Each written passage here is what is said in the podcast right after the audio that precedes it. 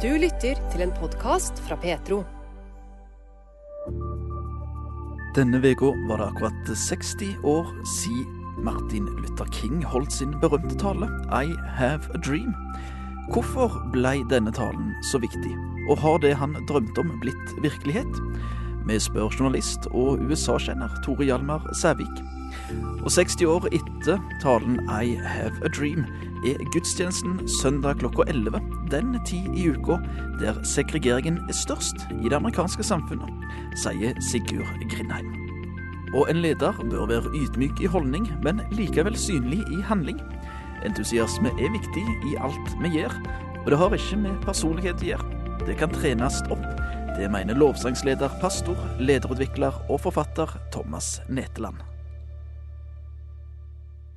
Dette er noe av det du kan høre mer om i ukas utgave av Petro-uken oppsummert for uke 35. Denne uka vil òg Anne Kristin Bruns dele tanker med oss når vi kommer til posten Refleksjon mot slutten av podkasten. Først denne uka. Gi sorgen rom, men ikke gi den hele huset. Det er et råd basert på egne erfaringer, og òg tittelen på en ny bok fra ekteparet Laila og Tarald Uland. I seks år levde datteren Lillian med uhelbredelig kreft, før hun døde, 47 år gammel, i 2015.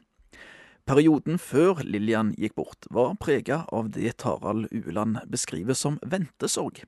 Tida der sykdommen ikke lenger kan helbredes, og det beste legene kan tilby, er livsforlengende behandling.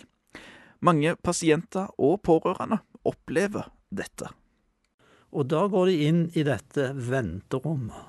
Og der er det mange som er. Altfor mange mennesker som er der. Ja, for det vil jo da ikke bare gjelde den som er pasient sjøl, men, men, alle rundt, familie, venner? Ja, eh. ja, helt klart. Da står de på en måte sammen i denne ventesorgen, og de sørger sammen. Men jeg tror et nøkkelord er her å snakke mye sammen. Eh, ikke gå tause og bare se på hverandre, men å, å sette seg ned og prate med hverandre. Og prate med de gode vennene som du har. Og eh, familien og åpenhet. Jeg, jeg har tro på åpenhet. Jeg, jeg har stor tro på det. Og Det leder oss jo naturlig også over på et, et, annet aspekt her. For det kan være vanskelig når en står rundt og, og har noen i familien eller i vennekretsen som, som da enten er syk selv eller har noen helt i nær familie som er syke. og så Hvordan skal en forholde seg til det? Skal, kan en våge å snakke om det? Skal en eh, late som det ikke eksisterer? På en måte, eh, du skriver i, i boken at ventesorg kan, eh, kan føles litt isolert og ensomt. Ja, alle er innstilt på at det er noe som skjer når døden kommer. Så kommer sorgen i etterkant av døden.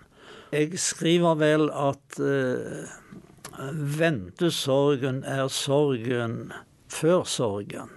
Og eksempel ventesorgen er den sorgen der en sjelden får blomster. Der er en ofte veldig aleine det er den ensomme sorgen, og du kan gjerne kalle det for den langsomme sorgen, som kan strekke seg over flere år, ja, mange år. Sant? Og da var det en som sa at jeg er så aleine. Jeg føler meg så ensom i denne sorgen. Og delt sorg er alltid lettere å bære. Altså Ofte så kommer vi i møte med folk i sorg litt uforberedt. Om du møter de på gata, eller du møter de i butikken, eller hvor det nå enn måtte være, så tenker du med en gang nå må jeg finne noen gode ord. En god setning. Sett de sammen noe som virkelig kan forløse noe. Men du finner ikke ordene. Og hva gjør du da? Altså, det verste en da kan gjøre, det er å ikke gjøre noe som helst. Det er det verste. Du kan godt snuble i ordene. Det er et tilgivelse for det. Det kan gjerne stokke seg litt, men Gjør nå et forsøk, i hvert fall. Og finner du ikke ordene, så la ordene ligge. Det er ingen katastrofe om du ikke finner disse ordene. Du kan gjøre et veldig godt møte med en som er i sorg, uten ord. Du har jo to hender, legge rundt skulderen på den sørgende. Og du kan gi dem en klapp på skulderen. Og du kan gi dem et godt håndtrykk. Og så har du et smil. I møte med sorg som fungerer smilet utrolig bra. Du blir sett, ikke sant? Og alle veit jo det at å bli oversett, det er ikke godt. Det er ikke noen god opplevelse. Jeg har prøvd det òg, og blitt oversett. Ja, ja, ja. Men det er så godt å bli sett. Særlig når sykdommen rammer. Hva særpreger ventesorg eh, i forhold til eh, sorg etter eh, et dødsfall? Godt spørsmål, men krevende spørsmål. For det er to så forskjellige typer sorg. Altså, vi levde seks år hvor vi begynte dagen med å spørre hvor lenge går dette? Og det ble så altfor ofte til det at vi gjerne avslutta med dagen med å spørre på nytt hvor lenge kan dette gå? Sant? Vi, vi er så opptatt med tiden. Hvor lenge får vi ha henne iblant oss? Hvor store kan guttene bli før mor forlater dem? Sant? Det ligger og kverner der hele tiden. Og du vet at det går bare denne ene veien. Men jeg må jo bare få skyte inn at hun som var syk, som skulle dø, hun lærte oss så utrolig mye. Hun var så opptatt med at dagen i dag, den må bli så god som mulig. Og da, da, har du et godt fokus, du har et godt utgangspunkt til å, å få noe ut av en vond dag.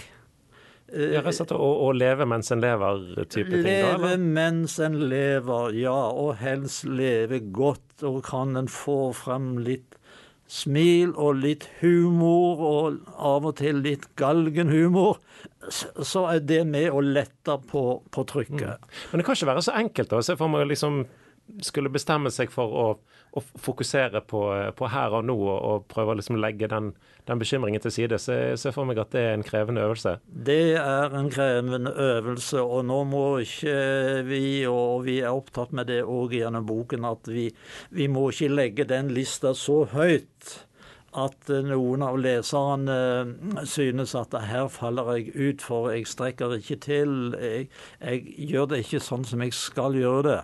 Og, og, la meg få si, og jeg har skrevet det, og jeg har sagt det så mange ganger, at all sorg er riktig. Feil sorg finnes ikke. Sant? Og feil måte å sørge på finnes ikke. Noen har masse tårer, noen har ingen tårer. Og si hadde jeg enda fått det ut via tårene, så hadde det gjerne vært lettere. Men altså, vi er så forskjellige som mennesker, og vi må forsørge på vår måte. Det er ingen A4-oppskrift på sorg. Dette var et utdrag av et lengre intervju med Tarald Ueland, som du kan høre som egen podkast.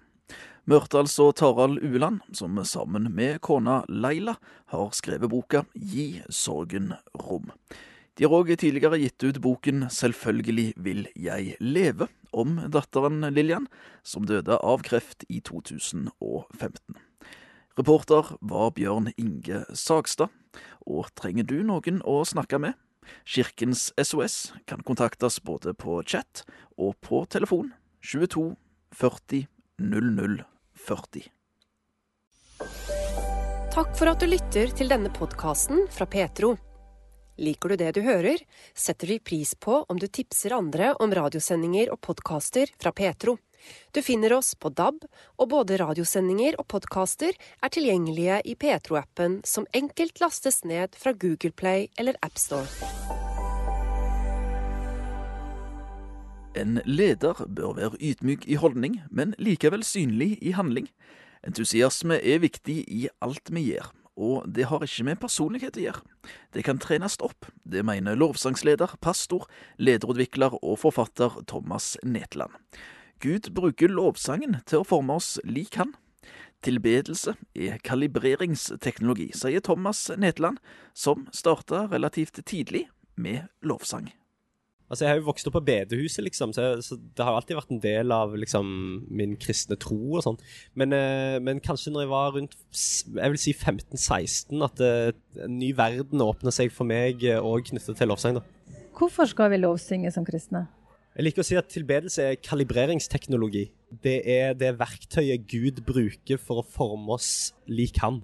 Så, så, tilbedelse er ikke Vi har en, ofte som en sånn der uh, bottom up-tanke. Altså det er vi som gjør noe i Guds nærvær som han, som han, er fornøyd med. Og jeg tror han er fornøyd med vår lovsang, men han er den samme uansett om vi synger til han eller ikke. Så jeg tror det er mye mer et aktivt verktøy fra hans side som han bruker for å forvandle oss.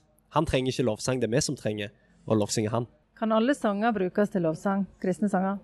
Jeg tror at eh, lovsang eh, handler om å hjelpe oss til å koble på troen vår.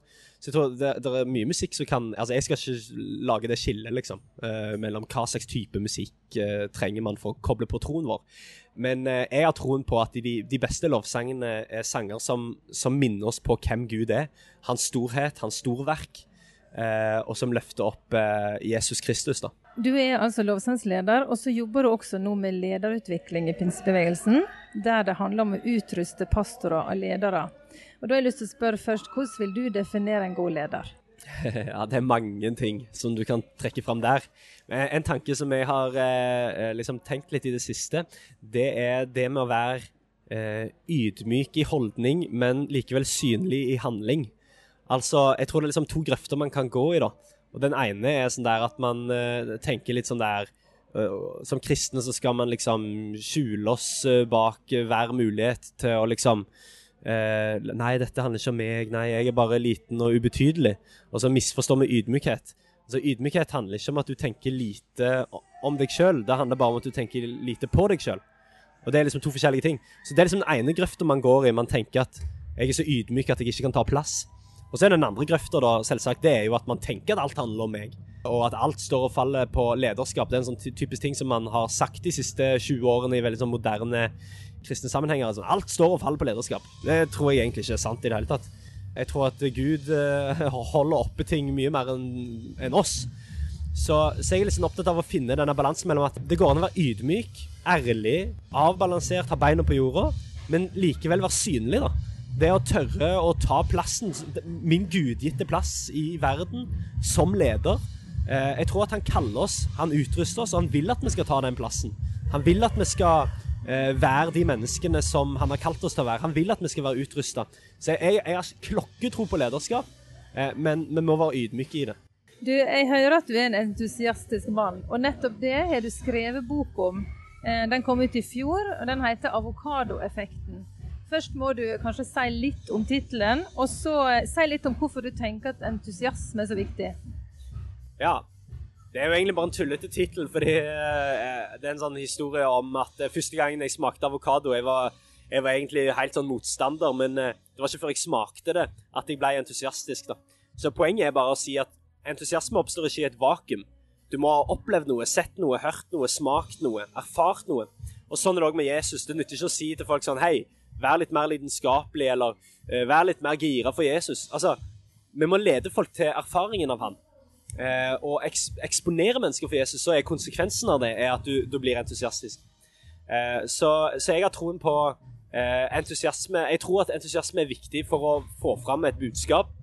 Og da er liksom en del av mitt poeng i boken er at det, entusiasme er ikke bare en del av noens personlighet, som man ofte tenker. Man får assosiasjoner til liksom Petter Stordalen og liksom folk som elsker mandager og er kjempeekstrovert og sånn. Og da tenker man gjerne på personlighet. Men jeg tror entusiasme ikke er en del av vår personlighet, det er en del av vår karakter. Som, som alle andre verdier. Ingen av oss er født barmhjertige eller trofaste. Men det er verdier som hjertet vårt har blitt trent opp i. Og jeg tror entusiasme er det samme. da. Det er noe som du trener deg i. Det er noe som du trener hjertet ditt opp i fordi du har troen på det. Um, så er det både, er det både en erfaring, eller det er både sånn, et, et, biprodukt av erfaringen av Jesus, men det er òg et valg. Jeg velger å være entusiastisk, for jeg tror på frukten av det. Hvordan tenker du at vi skal jobbe mot å bli mer entusiastisk, da? Ja, jeg tror jo at det definitivt handler om å altså Et av de spørsmålene som jeg stiller i boken, er hvilken Jesus ser du egentlig? Og svaret som vi svarer på den invitasjonen, eller det spørsmålet som han stiller sine egne disipler, sånn, hvem sier folk at jeg er? Det er jo kanskje det viktigste spørsmålet et menneske kan besvare. Så jeg tror jo jeg tror på det der å dukke ned i hvem er Jesus faktisk? Hvem er han? Fordi enten så er han den han sier at han er, eller så er han en bedrager. Han kan iallfall ikke være noe midt imellom. C.S. Lewis sier at Jesus er enten uendelig viktig eller totalt uviktig. Han kan bare ikke være litt viktig. Så jeg tror igjen da, så hvis Jesus er den han sier at han er, og, vi erfarer det, så vil det speike i oss, eller det vil, det vil skape en entusiasme i oss. Jeg tror den eneste måten å bli entusiastisk for Jesus, det er, det er å erfare han. Det er å eksponere seg for han. Det er å velge han dag inn, dag ut. Velge å være i hans nærvær, velge å være under hans undervisning. Så vil det gjøre noe med hjertene våre, og igjen vår entusiasme. da. Til slutt, Thomas Neteland, hvem er Jesus for deg? Hvorfor er han svaret med stor S? For det hører han er. Ah, ja, jeg elsker Jesus. Det er så gøy, fordi uansett hva slags issue du har, uansett hva slags problemer eller utfordringer du har, så er Jesus Han er svaret på det. For min del så handler det om at eh, jeg er vokst opp eh, uten en far som var til stede i mitt liv. Eh, sånn at jeg gikk rundt og opplevde Min mor var veldig på meg da, på en måte at, at, selv om jeg ikke hadde en far, i, liksom, en biologisk far som jeg forholdt meg til i hverdagen, så hadde jeg likevel en far i himmelen. Så for meg så var det en veldig sånn tydelig sannhet. Så jeg levde liksom med den enkle troen på at eh, altså mamma var min mor, og Gud var min far, liksom. Men det var ikke før jeg var sånn 13 år, 19. mai 2020 for å være helt nøyaktig, da jeg hadde en erfaring med Den hellige ånd som bare merker meg for livet. Og da var det akkurat som om det som jeg trodde på som en teori, at Gud var min far, det ble helt sånn praksis for meg. Det som bare var egentlig en religion, det ble plutselig relasjon. Det ble helt levende. Så for meg så har det vært en sånn reise der jeg har fått lov til å oppleve at eh, Den hellige ånd er den som gjør troen levende i mitt liv, som gjør Bibelen levende i mitt liv. Og det har gitt meg en dyp tilfredsstillelse som jeg ikke tror noe annet i denne verden kunne gitt meg. Det sa Thomas Netland, som ble intervjua av Anne Brigitte Lillebø Bø. Boka hans 'Avokadoeffekten' ble gitt ut på Harbon forlag i fjor høst. Petro har mange ulike podkaster og serier. Samlivsskolen gir råd og tips til par. I Pastoren og Journalisten prøver vi å finne ut hvorfor mange unge forlater menigheten i overgangen til voksenlivet. Og i Petro-gjesten får du høre livs- og troshistorien til en lang rekke spennende mennesker. Ekte og ærlig.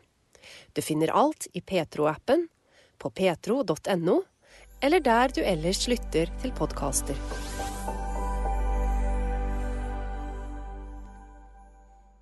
Mandag 28. august var det akkurat 60 år siden den amerikanske pastoren og borgerrettighetsforkjemperen Martin Luther King holdt sin berømte tale I Have a Dream, med visjoner om et USA uten rasediskriminering. Talen ble holdt ved Lincoln-monumentet i Washington foran flere hundre tusen tilhørere. Hvorfor ble denne talen så viktig, og har drømmen blitt oppfylt? Vi har spurt journalist og USA-kjenner Tore Hjalmar Sævik. I have a dream that one day this nation will rise up and live out the true meaning of its creed. We hold these truths to be self-evident that all men are created equal. Noe av det interessante med den talen er jo at han egentlig vil at USA skal leve opp til sine egne løfter. Han viser faktisk den uh, uavhengighetserklæringa som ofte blir sitert i amerikansk sammenheng, fra 1776, der uh, det blir framheva at alle mennesker er skapte likt. Uh, eller og gitt av skaperen er gitt de samme rettighetene. At, at, de er like, og at de har rett til frihet og til å søke lykke. Eh, og det, Der mener han at den raseskillepolitikken som USA fortsatt førte på, på Kings tid, den, den, var rett og slett i strid med USA sin egen ideal. Ja, og Den var jo ganske utpreget òg, særlig i, i sørstatene? Ja da, altså Slaveriet ble jo avskaffa i forbindelse med borgerkrigen som tok slutt i 1865, og som var jo fryktelig blodig. Og, eh, da eh, hadde en et forsøk på en slags rekonstruksjon i USA som ikke, ikke var vellykka. Og så innførte en eh, noe som heter Jim Crow, eh, eller ble kalt Jim Crow-loven. og Rett og slett da raseskillelov, forskjellsbehandling på, på svarte og hvite. Det gikk bl.a. på en kunne ikke reise på samme buss, eller en kunne ikke eh, bruke samme toalett. Og Jeg har også selv sett ei, ei kirke utenfor Nashville der det var to forskjellige innganger. Eh, som står fortsatt og er i bruk den dag i dag. Ikke på samme måte, men det var rett og slett ei dør for hvite og ei dør for svarte. Så dette hadde helt eh, fysisk uttrykk på, på Kings tid. Hva var det da med den talen som eh, Martin Luther King eh, holdt i 63, som, som, gjorde at den er blitt ganske så ikonisk?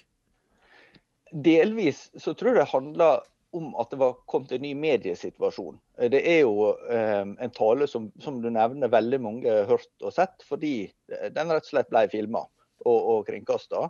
Og, og eh, TV var jo blitt et utbredt medium på, på denne tida. Men så har den også et utrolig kraftig eh, bildespråk, og det er jo en, en eh, veldig eh, ja, kraftfulle taler også. Han hadde en slags nesten nesten profetisk dimensjon. Da. Han låner jo mye bibelsk bildespråk og bærer veldig preg av, av å være både, som du påpekte i starten her, både en pastor og en borgerrettsforkjemper. Så han, så han har et tydelig sånn kristent etos over det han, eh, han har på hjertet. Og så tror jeg det er noe med at dette, dette budskapet det hadde han brukt Eh, flere ganger. Det blir eh, fortalt om King at han i løpet av 1963 eh, kanskje hadde 350 taler.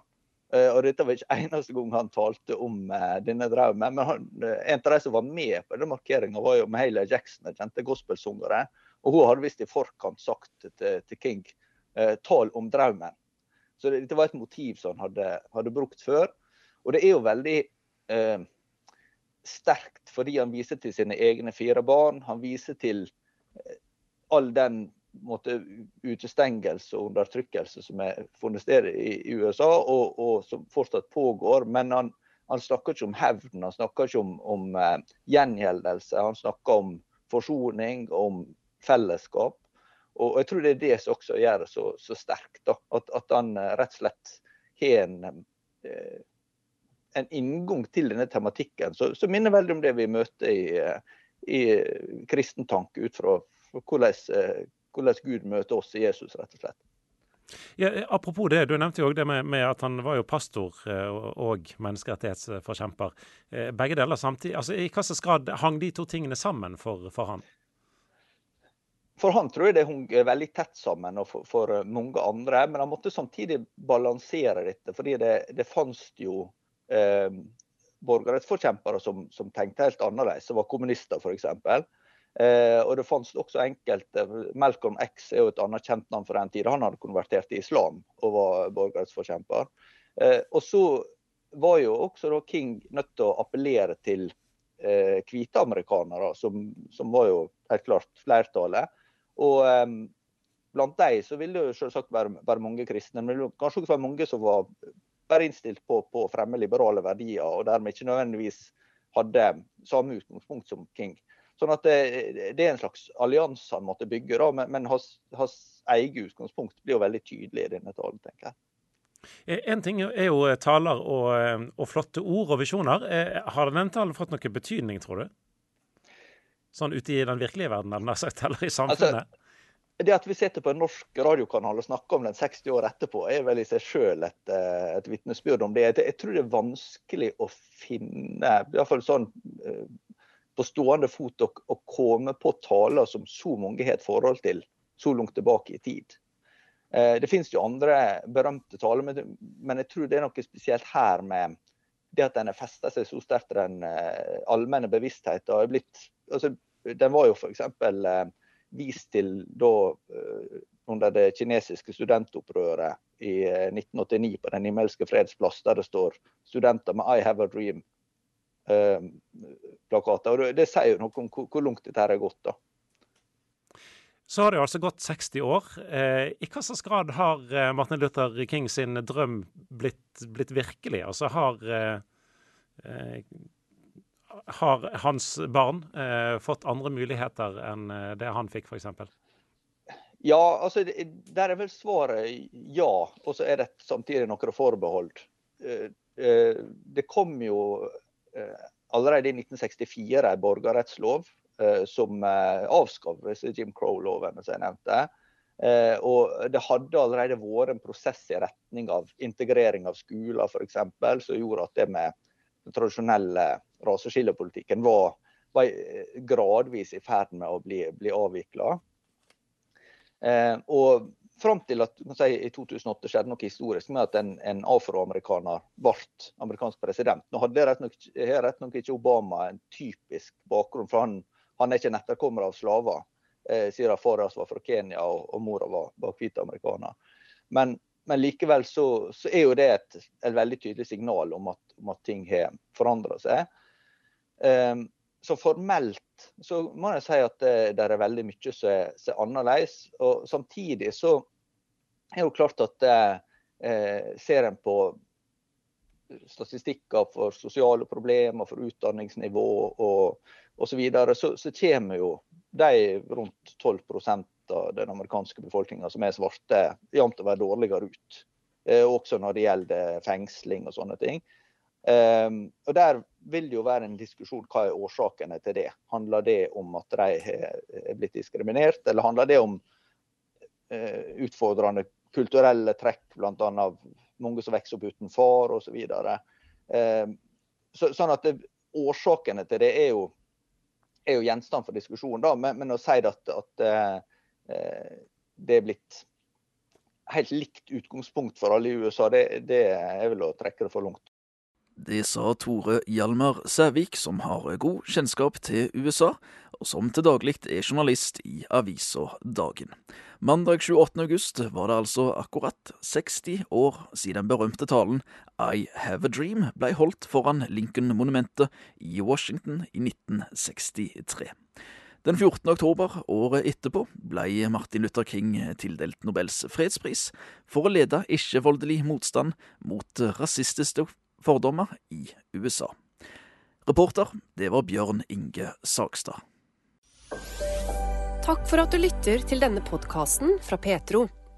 Liker du det du hører, setter vi pris på om du tipser andre om radiosendinger og podkaster fra Petro. Du finner oss på DAB, og både radiosendinger og podkaster er tilgjengelige i Petro-appen, som enkelt lastes ned fra Google Play eller AppStore. Vi skal ikke slippe Martin Luther King helt ennå. Som nevnt, det var 60 år siden han holdt det som mange regner som en av verdens mest kjente taler, I Have a Dream. Det var tema i talen han holdt 28. august i 1963. Sigurd Grindheim har bodd i USA i 20 år vært misjonær i Etiopia, og er nå professor ved Høgskolen på Vestlandet, sin avdeling på Stord. Han mener at drømmen til Martin Luther King fremdeles er en drøm, både i USA, men òg i kirke over hele verden. Nei, Det sies jo i USA at uh, søndag klokken 11 det er det tidspunktet uh, da USA er aller mest eh, segregert. Eh, for da eh, går folk til kirker som i stor grad er definert ut ifra etnisitet.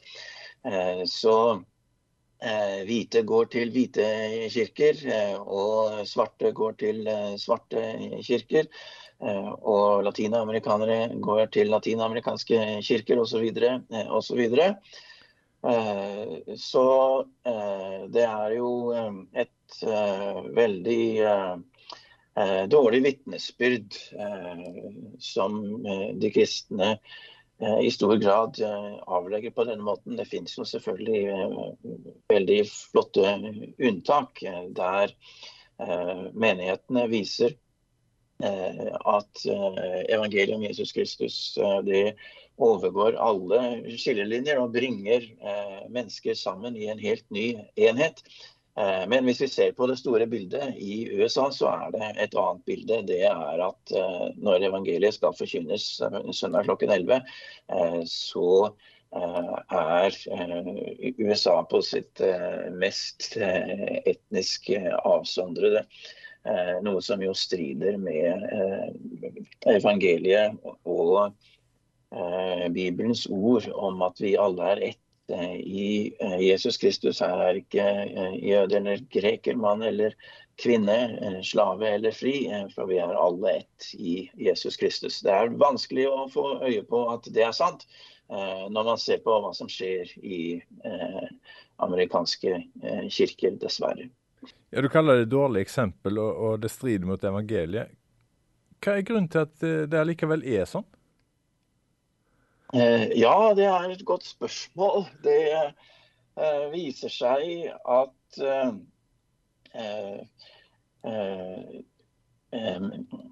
Eh, når man eh, samles til gudstjeneste, så, så er det eh, dette behovet for å være fri og ha det komfortabelt, kan du si, og være sammen med eh, likesinnede eh, og folk som en kjenner seg igjen i, eh, som får veldig stor betydning. vi kjenner jo fra USA også dette prinsippet som i utgangspunktet var Eh, introdusert i forbindelse med kirkeveksttenkningen, dette som vi kaller for homogene enheter.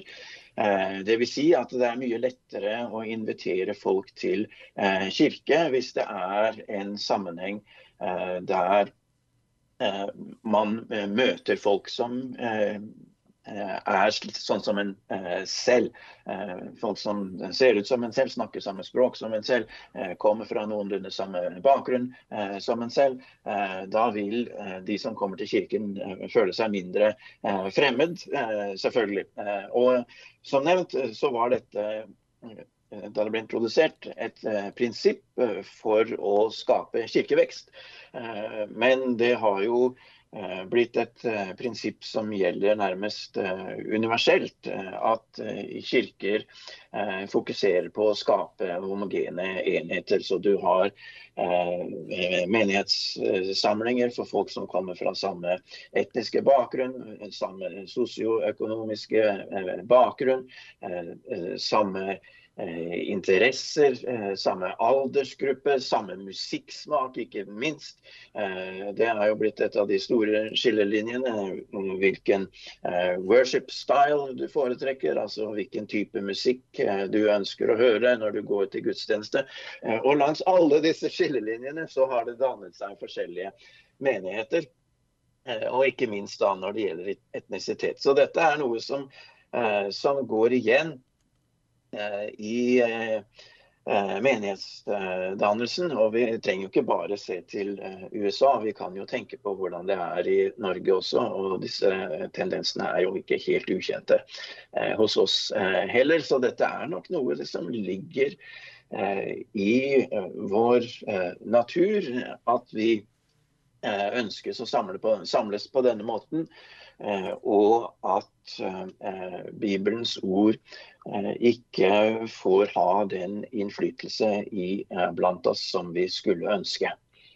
Er det egentlig det du, du oppfordrer oss til, å besøke hverandre og, og, skjønne at det en tror på, går an? Og er det samme bare en uttrykksform og er en annen i, i nabomenigheten? Eh, ja, absolutt. Det vil jo hjelpe godt at vi begynner å oppsøke hverandre Eh, de eh, aller fleste menigheter som eh, jeg har vært i, de er veldig vennligsinnede, og man blir ønsket veldig hjertelig velkommen når man kommer dit. Og det er helt ekte, så langt jeg kan forstå. Men det er ikke alltid så lett for folk som føler seg annerledes å oppsøke menigheter og forsamlinger. Eh, så det er også viktig det som du sier, eh, at eh, vi som kristne oppsøker andre kristne. For det første sånn at vi får oppleve fellesskapet som vi har med kristne på andre steder og i andre sammenhenger. Og vi, når vi blir kjent med hverandre, så får vi se at de skillelinjene som vi innbiller oss eksisterer, de trenger ikke å være så altavgjørende som vi tror. Men jeg må jo også si at jeg kjenner veldig mange kristne som er veldig flinke til dette her. Kirke som, kristne som i all stillhet driver en veldig utstrakt virksomhet for å hjelpe flyktninger til rette i Norge. Her som jeg bor, så ligger bedehuset ikke så veldig langt unna flyktningmottaket på Stord. Og på dette bedehuset så er det en veldig utstrakt virksomhet med, å ønske flyktningene velkommen til Norge. hjelpe dem til rette på alle mulige måter. Ha aktiviteter som ikke bare er på bedehuset, men også som er på flyktningmottaket. I kirke over hele verden samles mennesker i si kirke, fordi en liker form og innhold som er der. Kan dette føre til at kirke og menigheter består i for stor grad av mennesker som er like i hudfarge, sosial status og holdninger? Sigurd Grindheim har vært bibelskolelærer, misjonær og nå professor ved Høgskolen på Vestlandet sin avdeling på Stord, og han mener at Bibelen sier at de første kristne var sammen, uavhengig av sosial tilhørighet og andre ting som kan skille oss. Eh, eh, Bibelen inneholder jo et veldig sterkt eh, budskap om at Gud skaper noe nytt. Han skaper en ny enhet. Eh, gjennom forsoningen i Jesus Kristus. Eh, når en leser dette, så er det jo helt eh, overveldende. Altså, jeg tenker på Efeserbrevet f.eks., der Paulus uh, snakker om uh, motsetningene som eksisterte mellom jøder og hedninger. Uh, dette var jo et, et stort skille. begrepet antisemittisme var jo ikke oppfunnet på den tiden, men selve Eh, saken det er jo ikke noe nytt. Det finner vi i det første århundret også. Eh, at det finnes et voldsomt hat eh, mot jøder. Og blant jøder så finner vi forskjellige typer holdninger til de som ikke er jøder. Men også der finner vi mye negative holdninger. Så her var det veldig skillelinjer. Men så snakker Paulus da i Efeserbrevet om at disse to Eh, som eh, før var i fiendskap. Dette fiendskapet er blitt brutt ned i Jesus Kristus, for han rev ned skilleveggen eh, som skilte dem, og skapte de to til ett nytt menneske. Og Der det før var fiendskap, så ble det vennskap. Der det før var bitterhet og motsetninger, så ble det enhet. En enhet som er så ekstrem Eh, at Paulus kaller dette for ett nytt menneske. Eh, det er det som skjer Eh, når vi får møte Jesus Kristus og får ta imot det nye livet i Han, eh, og får den eh, nye identiteten som vi får når vi får erfare Guds kjærlighet og får vite at vi har blitt satt inn i barnekår hos Gud og blitt helt nye mennesker, så setter dette oss inn i et helt nytt forhold til andre mennesker som har fått møte den samme kjærligheten. Og dette er en ny erfaring, en ny identitet, som overgår alt annet. Sånn at når en er blitt et Guds barn, så er det faktum at en er et Guds barn, det er mye viktigere enn at en er nordmann eller amerikaner eller eh, hva det måtte være. Det er til og med viktigere enn hvem vi har som eh, brødre og søstre i biologisk forstand. For vi har blitt satt inn i en ny familie eh, som nå binder oss sammen med et enda sterkere bånd enn det som eh, vi kaller for eh, blodsbånd. Eh, det er båndet i evangeliet, i Jesu Kristi kjærlighet og nåde og tilgivelse. Og menigheten, kirken, er satt i verden til å være et vitnesbyrd om at Gud nettopp har skapt noe nytt. Han har skapt et nytt menneske, han har skapt en ny enhet. Eh, ved å bringe oss sammen på tvers av alle skillelinjer som fins i denne verden. Eh, så når Kirken demonstrerer at disse skillelinjene fortsatt er der, eh, det er fortsatt atskillelse mellom svarte og hvite, mellom nordmenn og utlendinger, mellom rike og fattige osv., da oppfyller ikke menigheten sitt gudgitte kall til å være et vitnesbyrd om den nye virkeligheten eh, som Gud har satt oss eh, inn i. Eh, eh men den eh, går glipp av sin aller største anledning til å være med sitt liv et vitnesbyrd om hva Gud har gjort iblant oss.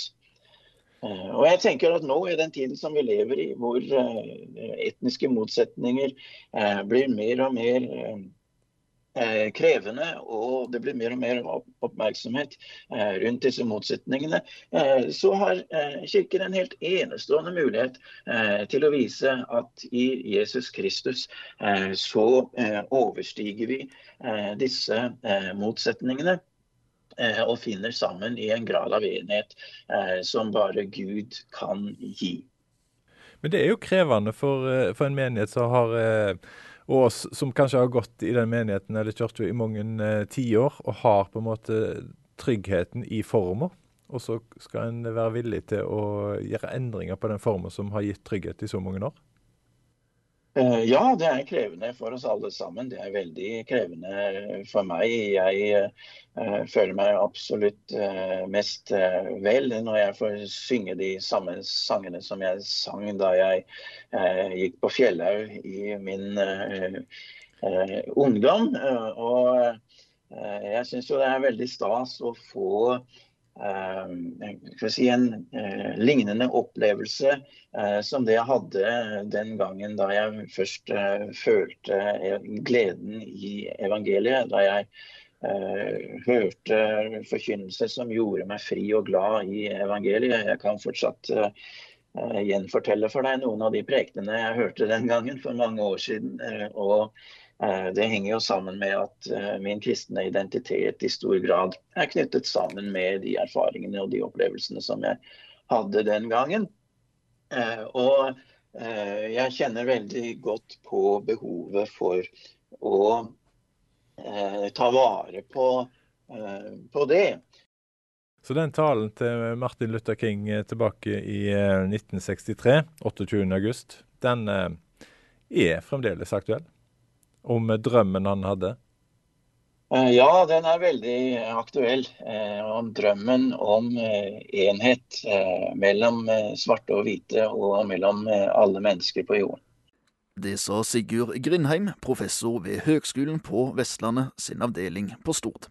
Han har òg vært misjonær og bibellærer både i USA og i Norge. Intervjuer i innslagene, det var Bjørn Steinar Haugland. Takk for at du lytter til denne podkasten fra Petro.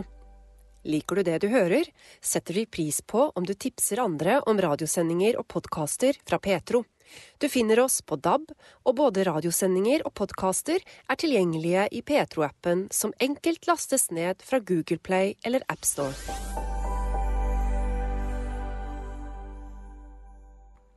Denne søndagen i kirkeåret er ofte kalla for vingårdssøndag.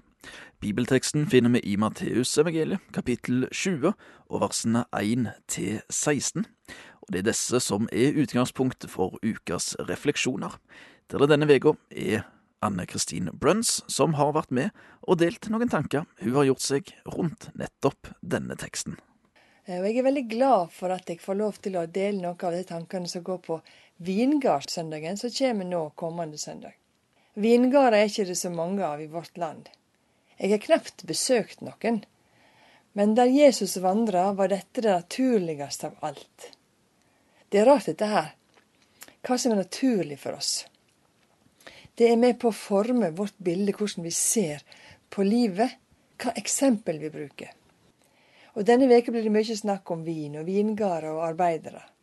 Jeg er ikke fremmed for tanken om at en må arbeide for å hauste inn men i disse bibeltekstene denne veka handler det også om hvordan Gud vil ta vare på flokken sin. I Jesaja 27,3 så leser vi om at Herren vakter vingarden og vatner han til alle tider. Ja, dag og natt vakter han den. Og mange plasser i Gamle testamentet så bruker en bilde om vingarden som Guds folk. Dette ser vi her i Jesaja. Og jeg blir slått av undring for en omsorgsfull Gud vi har. Han tek vare på oss. Ta det med deg ut i dagen og hvil i det, at Gud har omsorg for deg, han tek vare på deg, og han elsker deg. Ha en velsigna dag.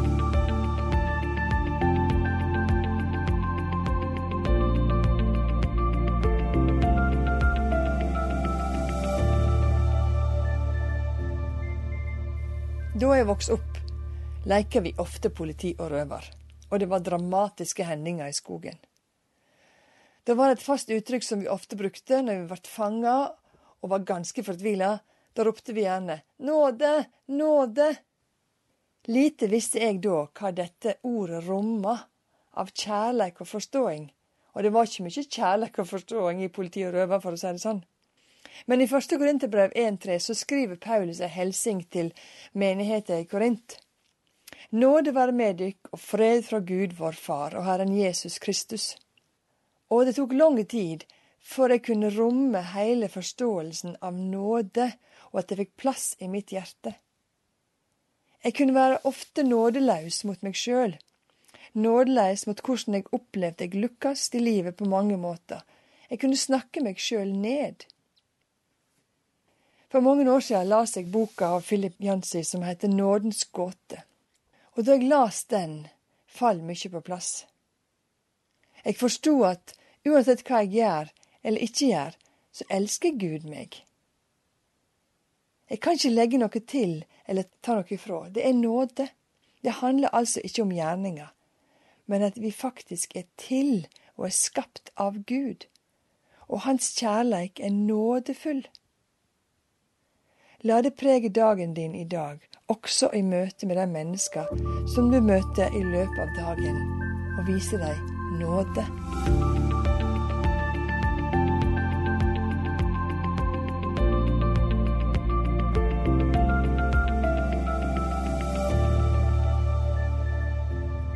Jeg klarer ikke å slippe dette med nåden.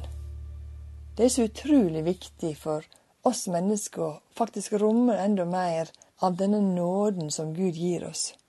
Og jeg tror at eh, vi er så prega av mentaliteten av å fortjene, gjøre oss fortjent til ei tru, at vi er vanskelig med å ta imot den nåden. Det kan også handle om at vi ikke helt aksepterer oss sjøl og klarer å se oss sjøl i det lys som Gud ser oss. For Han ser oss som et perfekt menneske gjennom Jesu kjærleik. Jeg hører fortelling en gang om en mann som ikke gikk til nattverd fordi han ikke følte seg verdig til å ta imot nattværen. Nattværet er som en nådens måltid, og da blir det snudd på hovedet.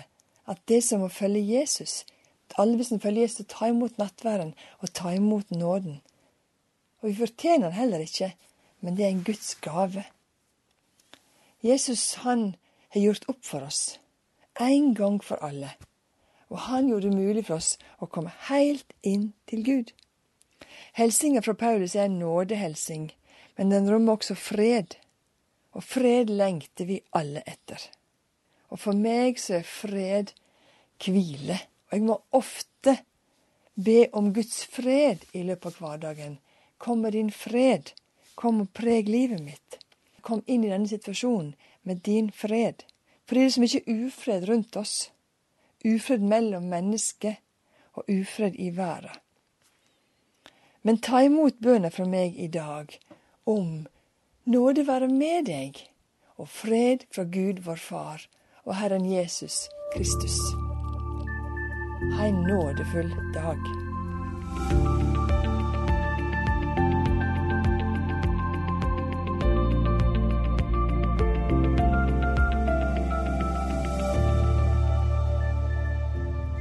I Menteus 20, fra vers 1 til 16, så hører vi om vingarden og jordeieren.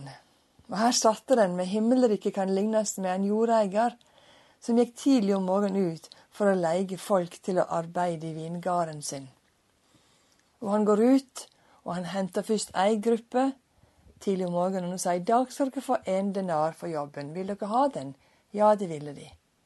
De kan ut ved middagstider og spurte om de ville være med å jobbe i vingården hans, så dere skal få én dinar. Og det ville de.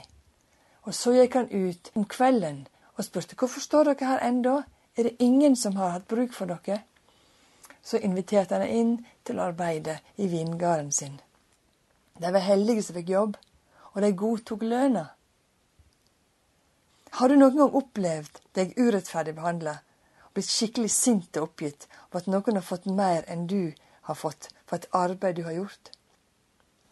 Jeg husker en av mine første sommerjobber. Jeg arbeidet på en papirfabrikk. Jeg hadde blitt lovt ei lønn.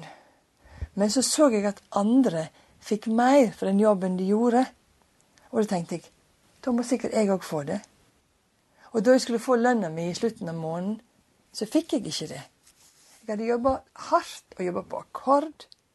Jeg husker det ennå, hvor urettferdig behandla jeg følte meg. Og uansett hvor lenge eller hardt jeg hadde jobba, så fikk jeg ikke den samme lønnen som de som hadde vært lenger eller mer erfaring. Det erfarer kanskje noen av arbeiderne i vingarden. Og da på slutten av, av dagen, da de får lønna si, og alle får likt, det viser oss at Guds rike er et omvendt rike. Og Hans nåde, hans måte å vise godhet på, er vanskelig for meg å forstå. Men igjen så viser han sin uendelige kjærlighet til alle, uansett innsats. Og han spør mot slutten når noen murrer og ikke er fornøyde, har jeg ikke lov til å gjøre godt? La det være oppfordringen vår i dag. Gå ut i hverdagen og gjør godt mot mennesker som kanskje du tenker hm, de fortjener det ikke. Gud sier vi skal gjøre godt mot alle. Har ikke vi lov til å gjøre som vi vil med det jeg har, sier han òg. Jeg tror at vi har en jobb å gjøre alle sammen i våre hjerter i våre liv. Å møte mennesker med samme sinnelag som Gud møter oss med. Han ser ikke etter hva vi gjør, han ser ikke etter vår utrustning, men han sier 'kom'. Det er rom for deg, og det er rom for alle. Ha en velsigna dag.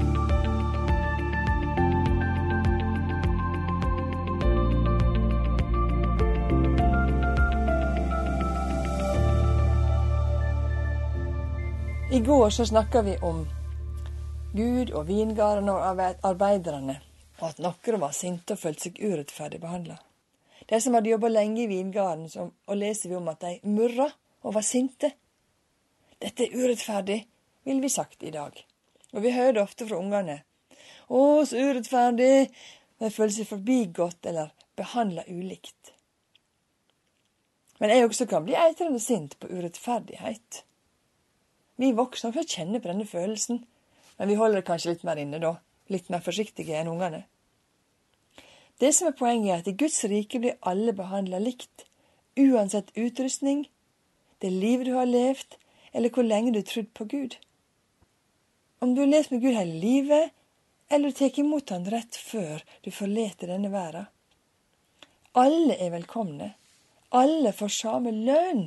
Alle får oppleve å bli tatt inn i Guds rike. Det er jammen herlig, ufattelig raust og nesten ubeskrivelig godt.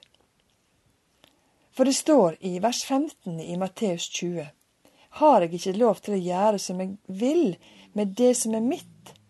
Eller ser du med vonde øyne på at jeg er god? Vi har en god far. Vi har en far som ikke ser på prestasjoner eller evne, men en nådig far som sier kom, kom og vær i min vingard, for her er det godt å være. Da må vi som tror i dag, hjelpe de som sier de tviler, eller strever med å forstå Guds nåde, være både nådige og rause. For vi har en raus Gud som åpner himmelriket for oss. Takk at du lytta på mine refleksjoner denne veka. Og jeg ønsker at du skal ha ei velsigna helg, alle sammen. Lev i Guds nåde, og lev i Guds fred.